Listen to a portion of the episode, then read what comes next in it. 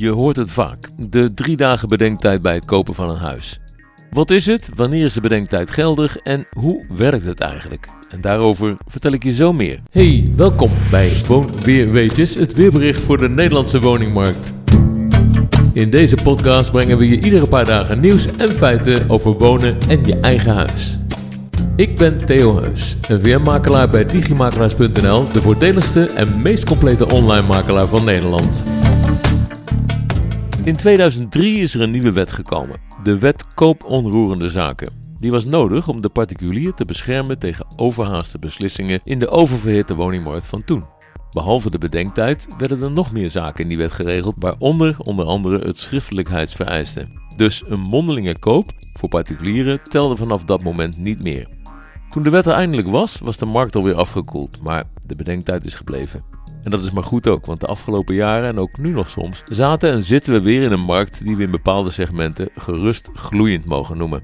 De wet is bedacht voor de bescherming van de particuliere koper. Dus koop jij als belegger, dan geldt de bedenktijd niet en dan geldt ook het schriftelijkheidsvereiste eigenlijk niet. Dat ligt nog iets genuanceerder allemaal, maar dat is voor wat betreft deze podcast nu even niet belangrijk. Je koopt dus als particulier een huis en daarvoor teken je de koopovereenkomst. Zodra jij als koper een exemplaar van de volledig getekende overeenkomst hebt ontvangen, dus door verkopers en kopers ondertekend en gedateerd, dan teken jij het ontvangstbewijs en dan gaat de bedenktijd in.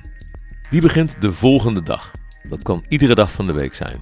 De bedenktijd duurt vervolgens drie volle dagen. Dus op de derde dag om 12 uur s'nachts zit je als koper aan de koopovereenkomst vast als je niets meer hebt laten weten.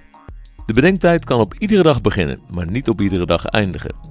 Hij mag bijvoorbeeld niet eindigen in het weekend en ook niet op erkende feestdagen. Behoorlijk vaak duurt de bedenktijd dus langer dan drie dagen. Vaak worden zogenaamde tussendagen, dus bijvoorbeeld 24 december of 31 december of de dag tussen hemelvaart en het weekend, ook gelijkgesteld met erkende feestdagen. Dat verschilt per jaar, dus iedere keer in die tijd is het even opletten geblazen. Daarnaast mogen er ook minstens twee van de drie dagen geen zaterdag, zondag of feestdag zijn. Dus een heel paasweekend of pinksterweekend telt voor één dag.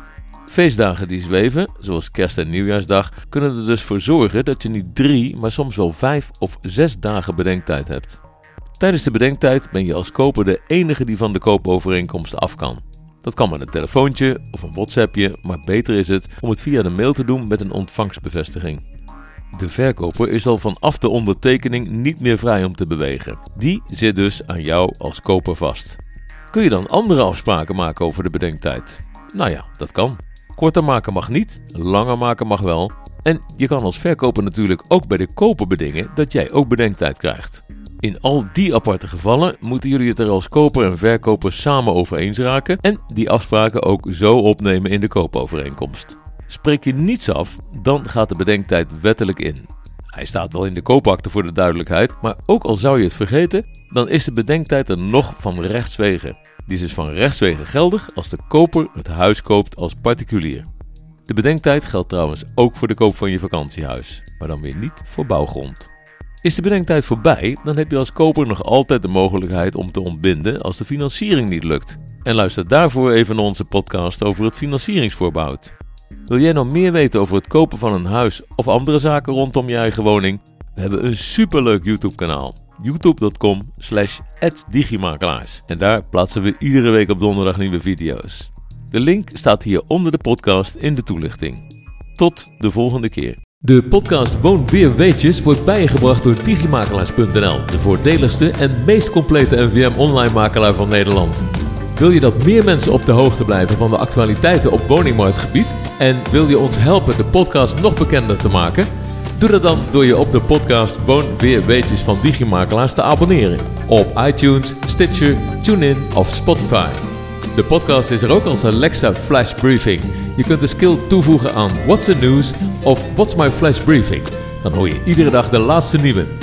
Wat ook helpt, geef onze podcast een beoordeling op iTunes. Of deel onze podcast op Facebook of Instagram. Super bedankt dat je luisterde en tot over een paar dagen.